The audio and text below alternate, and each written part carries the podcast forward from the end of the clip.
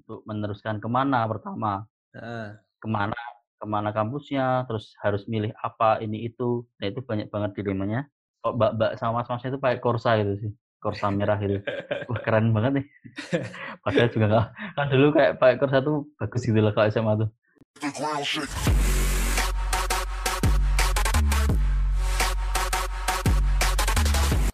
Halo semuanya, balik lagi bersama Punta di sini.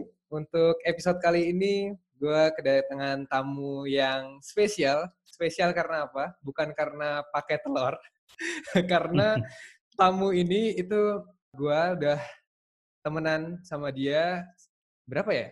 Udahlah, langsung aja lah, langsung aja. Aku perkenalkan ya. Di sebelah sana sudah ada Aji. Halo Aji. Halo Ari. Oke oke, ini ini kelihatan kelihatan temen lama banget ya karena orang yang manggil uh, Ari itu cuma SMP ke bawah. Kalau SMA oh. ke atas itu udah manggilnya Punta semua. Oh gitu. Nah, jadi bisa bisa ada segmentasinya nih. Oke. Okay. Jadi ini kita flashback dulu aja. Kita ketemu itu tahun 2008 berarti ya? Kan masuk masuk, masuk SMP, SMP 2008 ya. 2008, 2008 sekelas ya Ji ya? kelas dari kelas ya cuma kelas 2 aja sih enggak yang ketemu. Iya, kelas uh, 1 jadi, sama kelas 3 sih sekelas. Iya, kelas 7 dan kelas 9 itu kita satu kelas, bahkan ya pernah satu bangku juga. Jadi udah berapa lama nih kalau dihitung sampai sekarang? Ya, 2008, 12 tahun. 12 tahun pertemanan kita. Tapi apa ya, jalur, jalur pendidikan yang memisahkan kita. Ya iya. Dulu diajakin nggak mau aku. Oke, okay. emang banyak banget cerita-cerita dan setiap tahun juga aku pulang ke Jogja nyempetin buat main bareng ya nggak sih? Kita ketemu, Yoi, ketemu selalu, terakhir. Selalu ketemu sih. Ketemu terakhir ketemu tahun baru Terakhir kan? kita ke mana sih? Tahun baru. Pas aku pembukaan. Tahun baru ya? Uh, pas pembukaan rumah makan sama Galih tuh.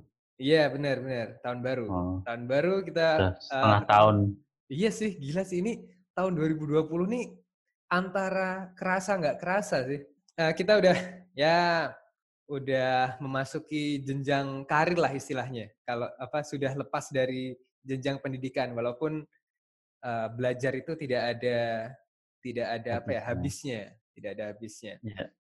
Hmm. Nah, ini kan kamu kuliah di salah satu menurut menurut aku sih perguruan swasta terbaik di Jogja atau bahkan di Indonesia. Bisa dibilang gitu? Indonesia enggak sih.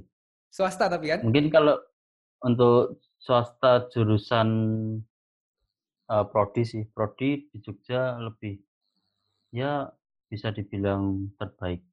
Ya, soalnya kalau aku dengar-dengar itu banyak lulusan dari apa kampus kampusmu ya, walaupun di Jakarta juga ada kampusnya yang seru senama, terus di prodi prodimu itu lulusannya itu keren-keren gitu. Emang kebanyakan pada apa itu yang jelas kan itu rantauan semua hari. Mm -hmm. Terus kebanyakan pada itu ke kota besar sih, terutama Jakarta, Jabodetabek lah. Mm. Banyak temanku yang di sana tuh sekarang.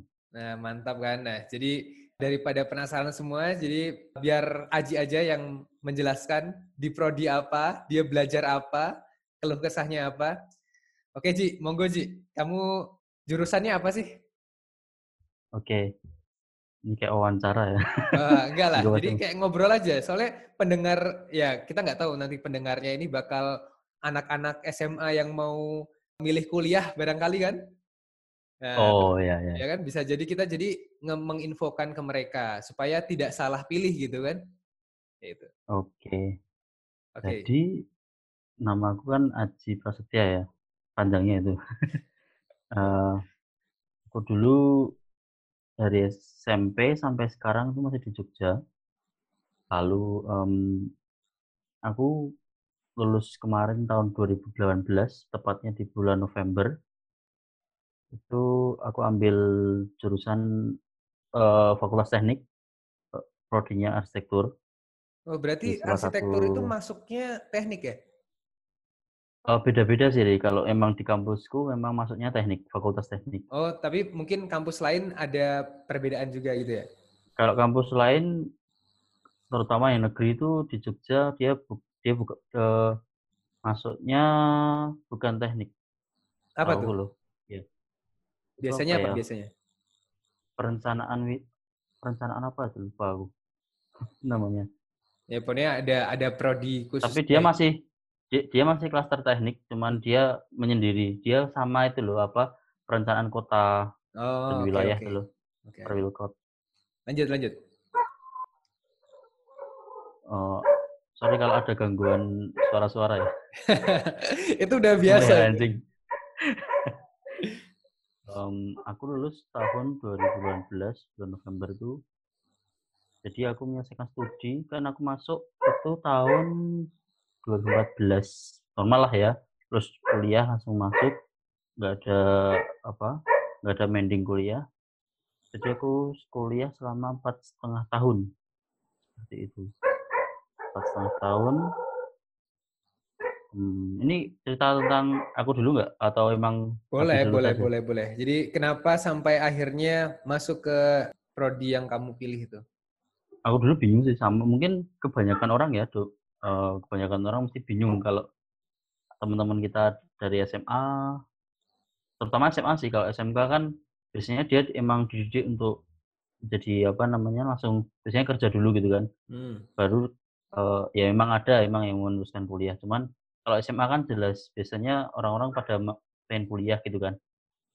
Nah itu masa-masa di mana orang-orang sangat dilema untuk meneruskan ke mana pertama. Heeh. Ke mana ke mana kampusnya, terus harus milih apa, ini itu. Nah itu banyak banget dilemanya dan banyak banget pertimbangan. Kalau aku dulu loh, banyak Ya sama sih. Kayaknya semua orang me Semua orang ya? melewati melewati fase-fase itu.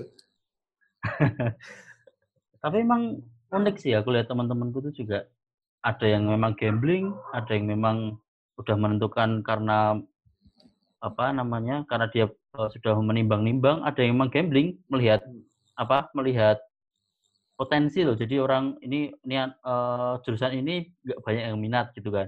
Ya dia ambil yang nggak yang nggak banyak orang minat itu dan akhirnya masuk juga. Ya, Jadi berarti dia berarti pintar nggak nggak nggak baca mikirin peluang. Nggak mikirin itu tuh passion atau itu cocok atau enggak, yang penting masuk dulu gitu ya? Heeh. Emang ya dia jalanin sampai sekarang, gitu. Kalau aku dulu sih, itu karena aku dulu ambil net kalau sekarang kan eh masih sama ya IPA IPA IPS ya SMA ya? Iya, masih sama. Bahkan Sama kan? kayaknya aku jarang lihat yang jarang denger yang bahasa sih. Dulu kan sempat ada bahasa tuh. Oh, ada sih di Jogja tapi swasta dia bahasa. Oh, iya Tapi iya. kalau negeri biasanya kebanyakan IPA jadi IPS. aku sekolah di negeri juga, ah, IPA IPS. Tapi dulu kan kalau sekarang kan dia milih IPA IPS dari masuk SMA ya? Mmm, ah ini aku Kalau kurang tahu nih, karena dari SMA itu aku udah di swasta. Lulus dari SMP itu Iya. swasta Soalnya swasta. adikku gitu, Ri. Heeh. Adikku gitu, adikku. Oke oke. Adikku tuh masuk udah langsung milih. Nah, kalau aku dulu kan kelas 1 masih masih IPA IPS ya, masih campur. Masih campur, heeh.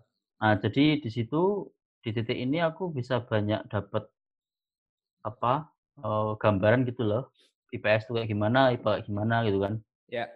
Dan dulu kelas 1 memang belum ada gambaran untuk ambil jurusan apa gitu, makanya mainstream-nya ya mesti kan pada bu bukan pasti sih, tapi kebanyakan yang pa main aman ambilnya IPA gitu kan. Mhm. Aku kebetulan juga ambil IPA. Terus kelas kalau ma masuk kelas 2 tuh kan, kelas 2 ya berjalan seperti biasa, lagi seneng-senengnya anak SMA gitu kan. Naik Lagi lagi puncak-puncaknya ya nakal iya, rajin juga, ya gitulah main-main gitu ya? Iya, aku dulu aduh, ya kayak gitu dah. Terus kalau ngomongin SMA nggak ada habisnya, Ri. Nanti nanti episode episode selanjutnya aja kita buat ngomongin SMP dan SMA ya? Aduh, Boleh boleh boleh. boleh. Aku next ya. Eee, jadi mulai mikirin tuh pas kelas hampir-hampir naik kelas 3 tuh, udah mikirin. Karena memang banyak pendaftaran perguruan tinggi kan, terutama swasta ya. Mhm. Itu kan banyak yang nggak jadi emang bulan apa ya semester semester pertama kelas 3 kelas 3 satu SM eh kelas 3 SMA itu udah mulai pada bukaan ri jadi Oh, memang harus gitu. udah mikir gitu loh itu yang buka itu negeri aja atau swasta? Baru swasta?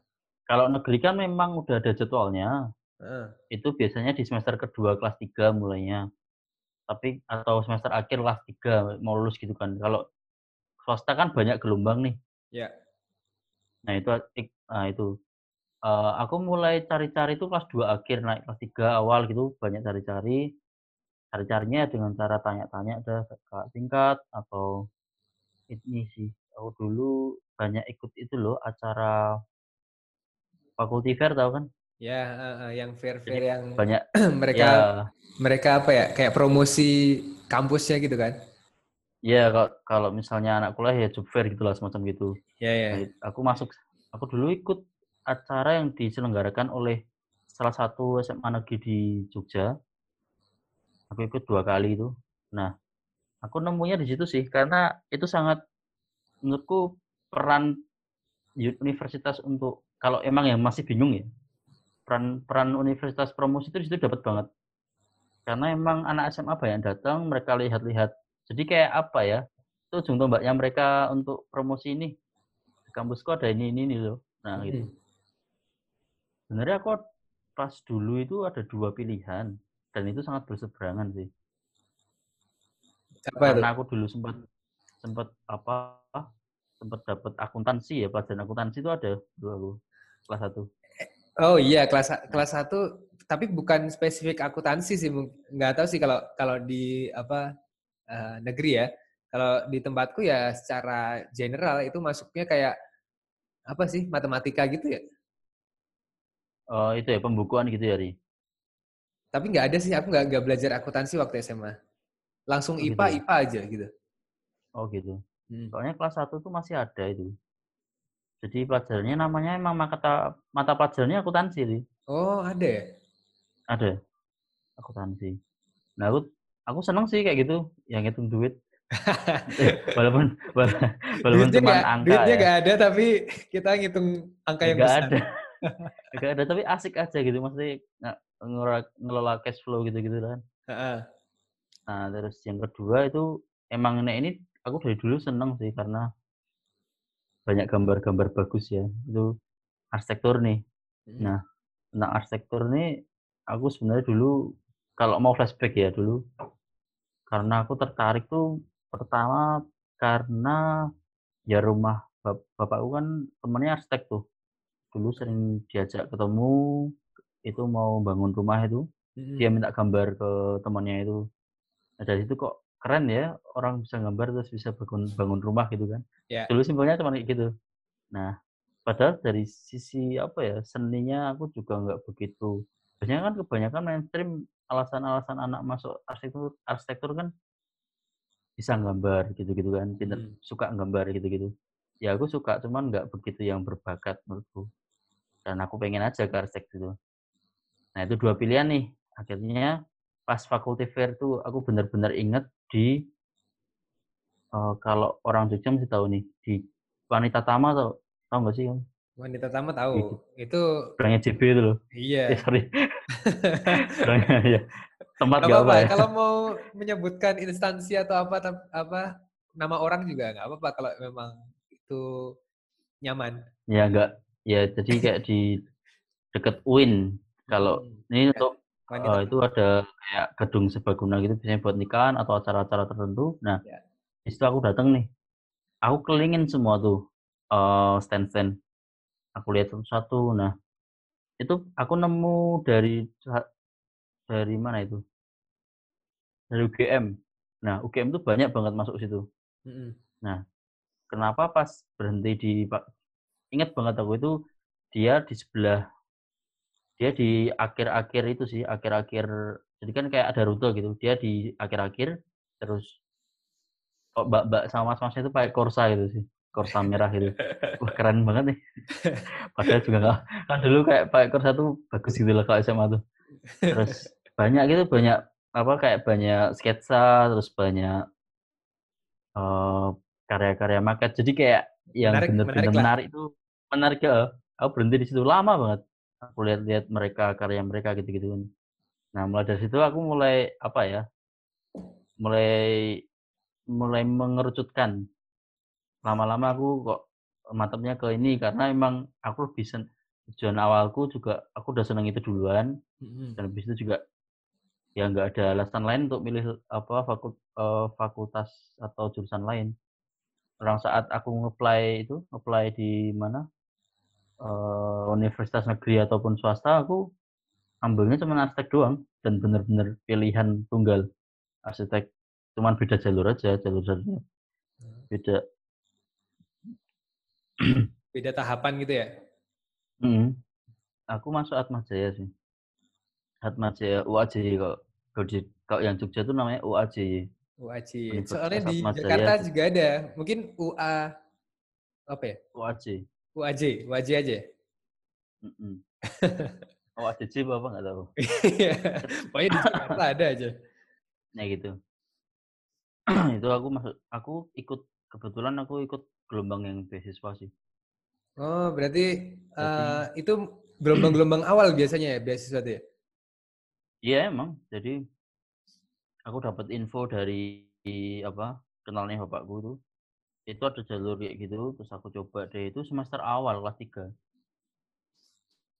Berarti Jadi semester awal kelas semester 3 aja udah tahu, wah ini aku udahlah masuk sini gitu udah udah udah punya keyakinan gitu ya?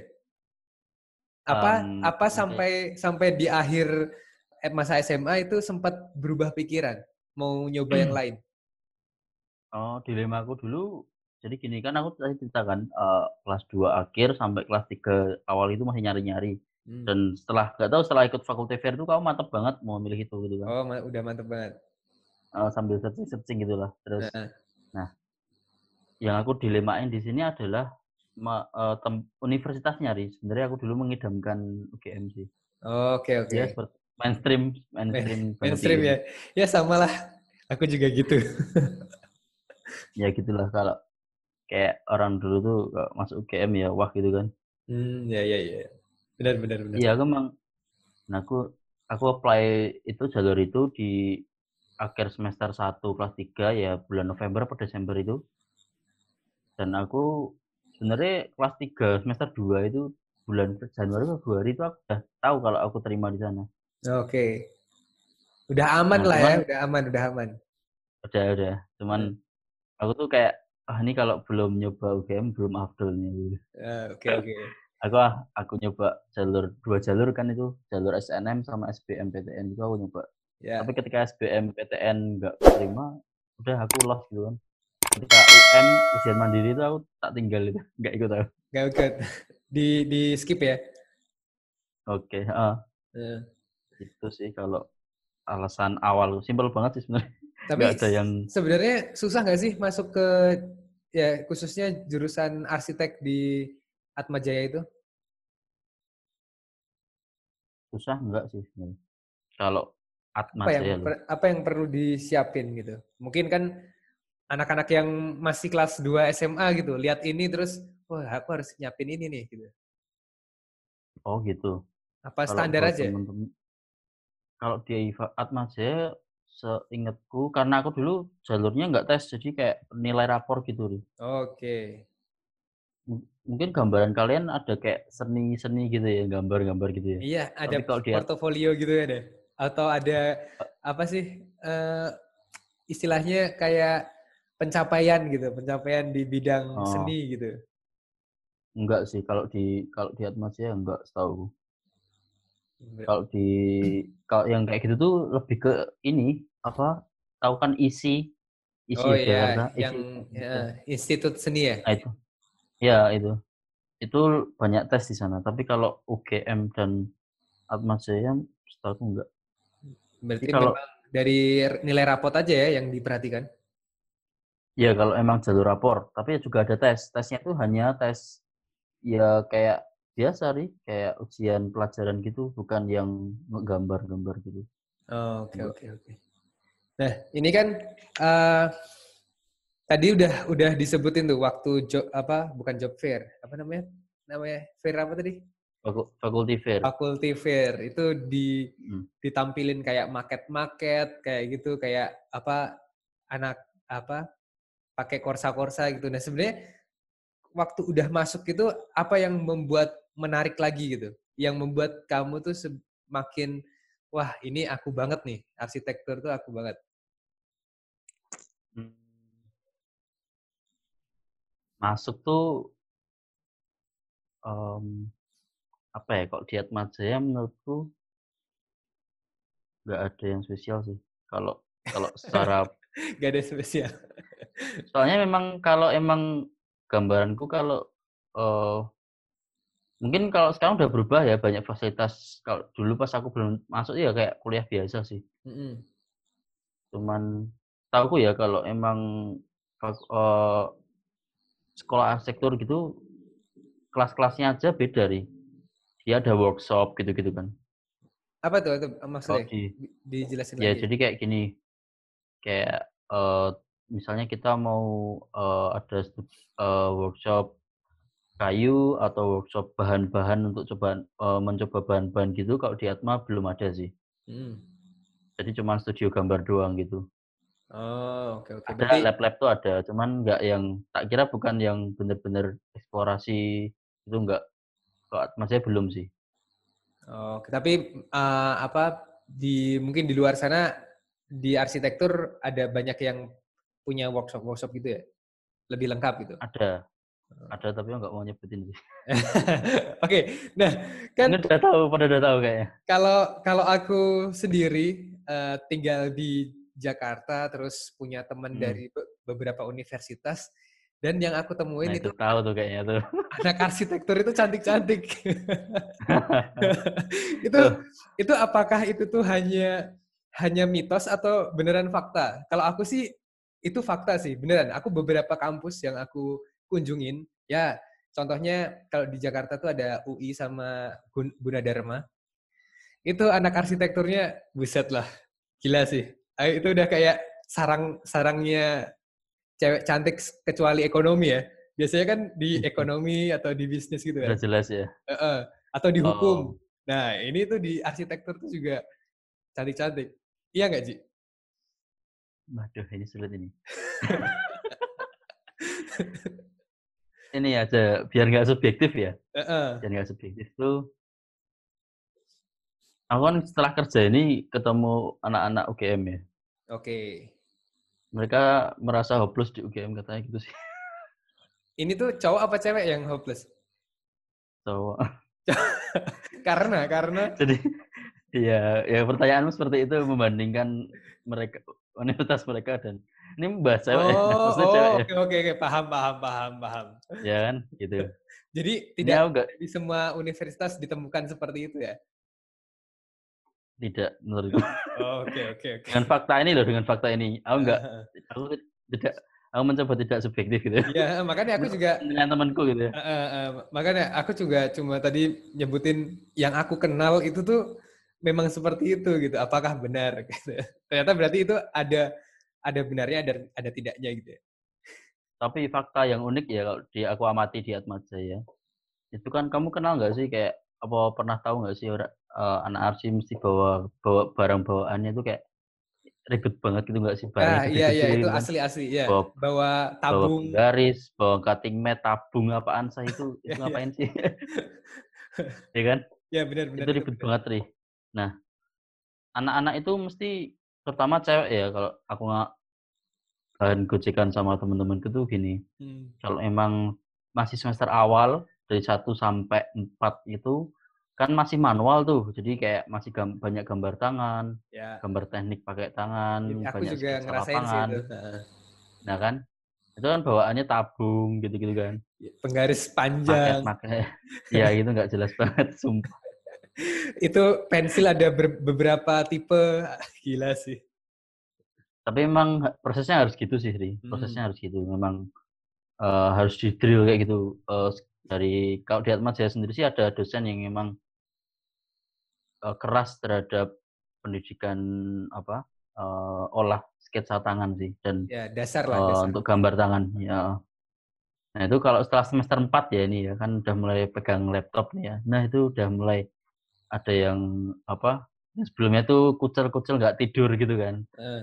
Udah mulai dandan tuh, mulai pakaiannya udah Waduh. mulai rapi gitu kan. ya mulai make up gitu-gitu dah. Mesti ya, jadi kayak kalau bedain anak anak-anak Anak baru. cowok cewek itu gampang banget tuh loh kalau misalnya semester awal sama akhir. Ya, apalagi cowok nggak begitu beda- kelihatan sih. bedain maba sama bedain yang udah ya senior gitu ya istilahnya. Heeh, itu itu itu beda apa gampang banget bedainnya. Serius. Dari bawaannya aja sudah jelas gitu loh. Mm. Nah, oke. Nah, terus selama tadi kan nyebutin tuh apa semester 1 sampai 4 tuh masih gambar teknik kayak gitu. Nah, kalau yang kamu rasain sendiri paling sulitnya itu apa? Jadi anak apa mahasiswa arsitek. Oh, yang paling sulit adalah yang pertama nek menurutku menurutku tuh arsitektur itu setengah seni, setengah teknik juga sih. Mm.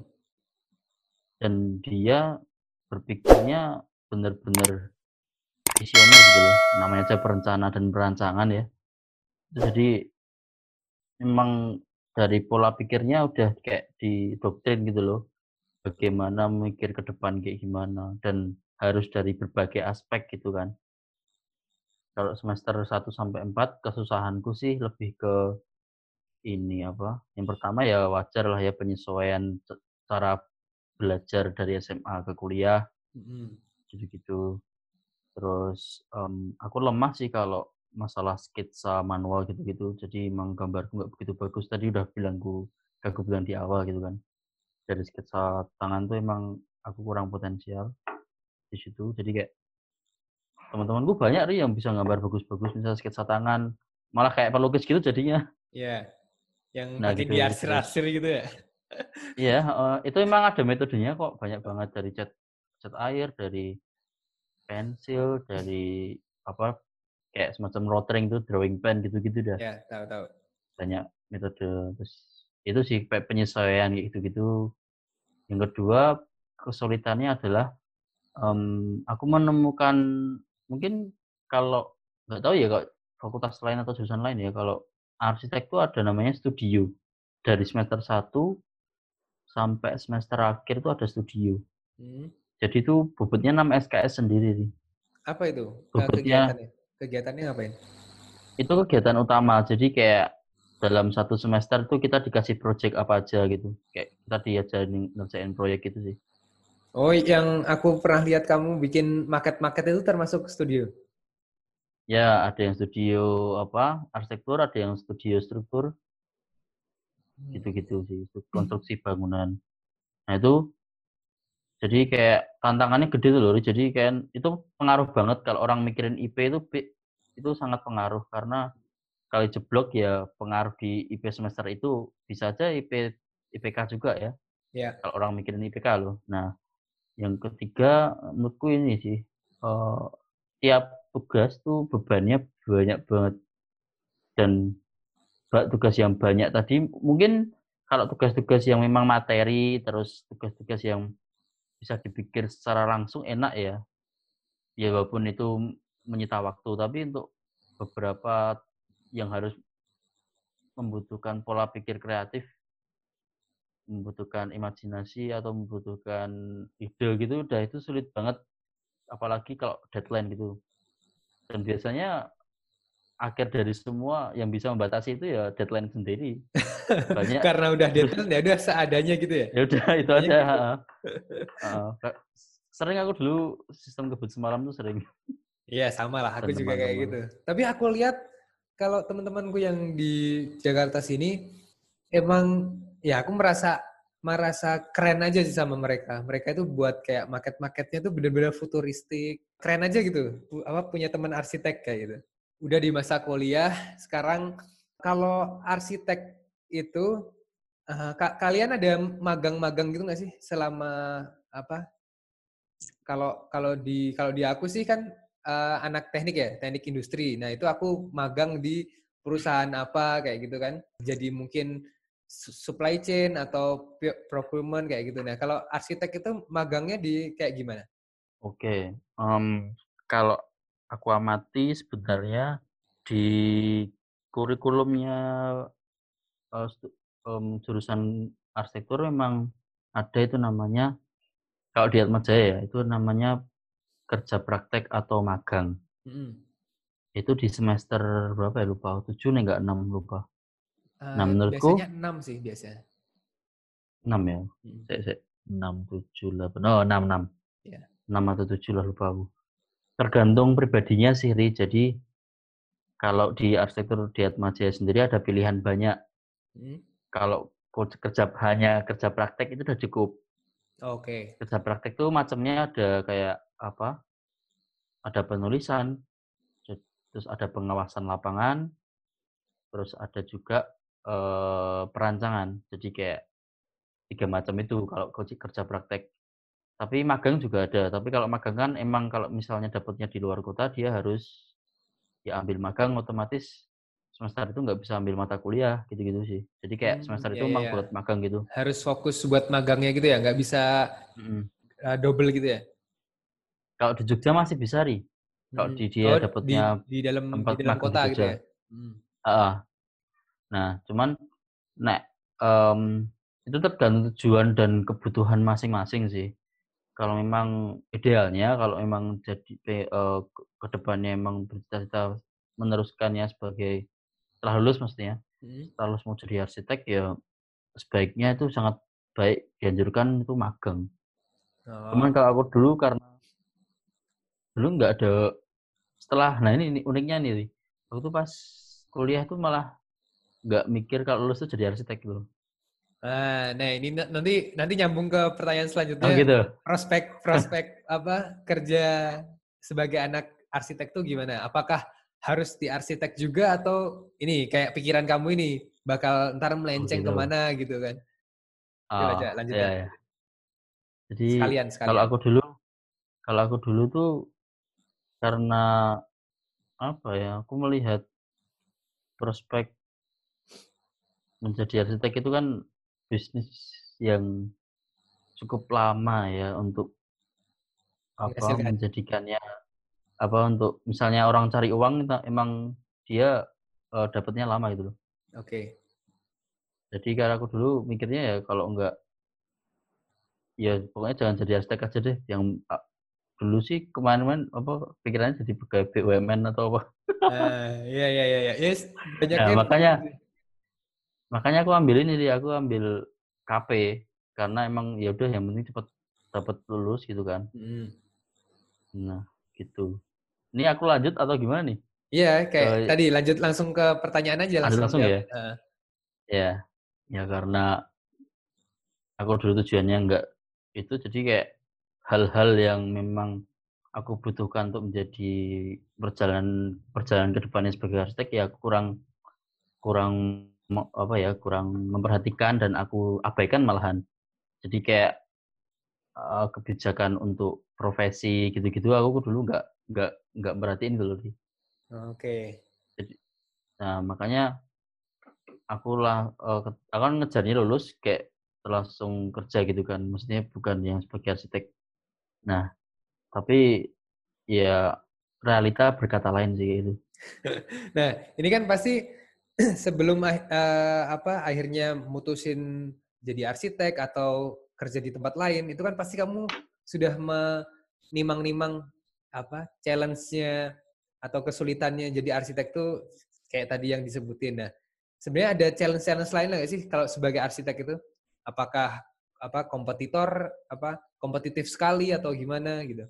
Jadi kalau prospek kerja di arsitektur sebenarnya kalau di Atmaja sendiri dia nggak yang benar-benar apa ya mengarahkan siswa-siswa mahasiswanya untuk menjadi benar-benar keras uh, apa ya um, fanatik arsitek tuh enggak hmm. jadi emang banyak teman-teman yang ada yang dia sebagai uh, jadi PNS ada yang ke BUMN ada yang dia jadi enggak enggak ada nyambung juga apa enggak ada sambungannya juga ada. ada sambungannya juga ada dia bikin usaha sendiri selain arsitek ada malah terus, jadi wirausaha ya Mm, gitu. itu banyak di kalau di Atma Jaya emang banyak orang-orang itu.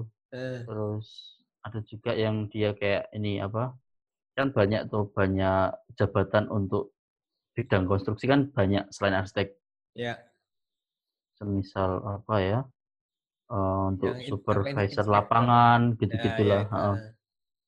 Terus ada yang ini, kayak yang tren di daerah Jakarta sekarang tuh kayaknya karena banyak banget tren retail tuh sekarang gila-gilaan nggak sih? Kayak mall-mall gitu, kan banyak banget retail tuh, dan mesti Iya. tiap mall kan punya peraturan untuk retail yang menyewanya. Mhm. Nah, itu mesti butuh arsitek sih. Entah dari, eee, perusahaan yang mau sewa retail atau mall-nya sendiri. Jadi Oke. mall itu kayak nyesuaiin itu loh, eee, peraturannya mall gimana, standar branding dari perusahaan yang mau diriin retail gimana, itu butuh butuh perencana, itu biasanya anak-anak ada yang lari ke situ juga, ada yang ke lari ke apa, ke kayak apa, Informa gitu, eh, ini gitu dah, banyak Ya nggak apa-apa nggak apa. Oke oke, berarti eee, tapi ini nih, tadi nyinggung-nyinggung si apa, eee, penyedia penyedia perkakas rumah, perabotan rumah itu, arsitektur sama kayak contohnya desain interior kayak gitu tuh sama nggak sih? Mhm. Mmm, menurutku beda, dengan bukti ada sendiri emang jurusan Oh, desain jurusannya interior beda? tuh. Mhm. Oh. Eee, mungkin kalau nggak ada jurusan desain interior aku bisa bilang sama kali ya. Cuman Heeh. karena memang Sudah aku tahu dipisahkan? ada ada memang itu di ISI itu ada, di ISI Yogyakarta itu ada desain interior dan aku punya teman baik di sana, Mhm. dan aku tahu persis apa yang dia pelajari. Aku bisa menilai beda sih, dan dia lebih kompleks. Lebih detail gitu ya? Atau gi iya, tapi memang kalau dari sense, eee, artistiknya mungkin dari estetiknya bisa sih, kalau mau dia niat mempelajari bisa. Mhm. Banyak biro biro konsultan yang dia bergerak di arsitek sama interior juga.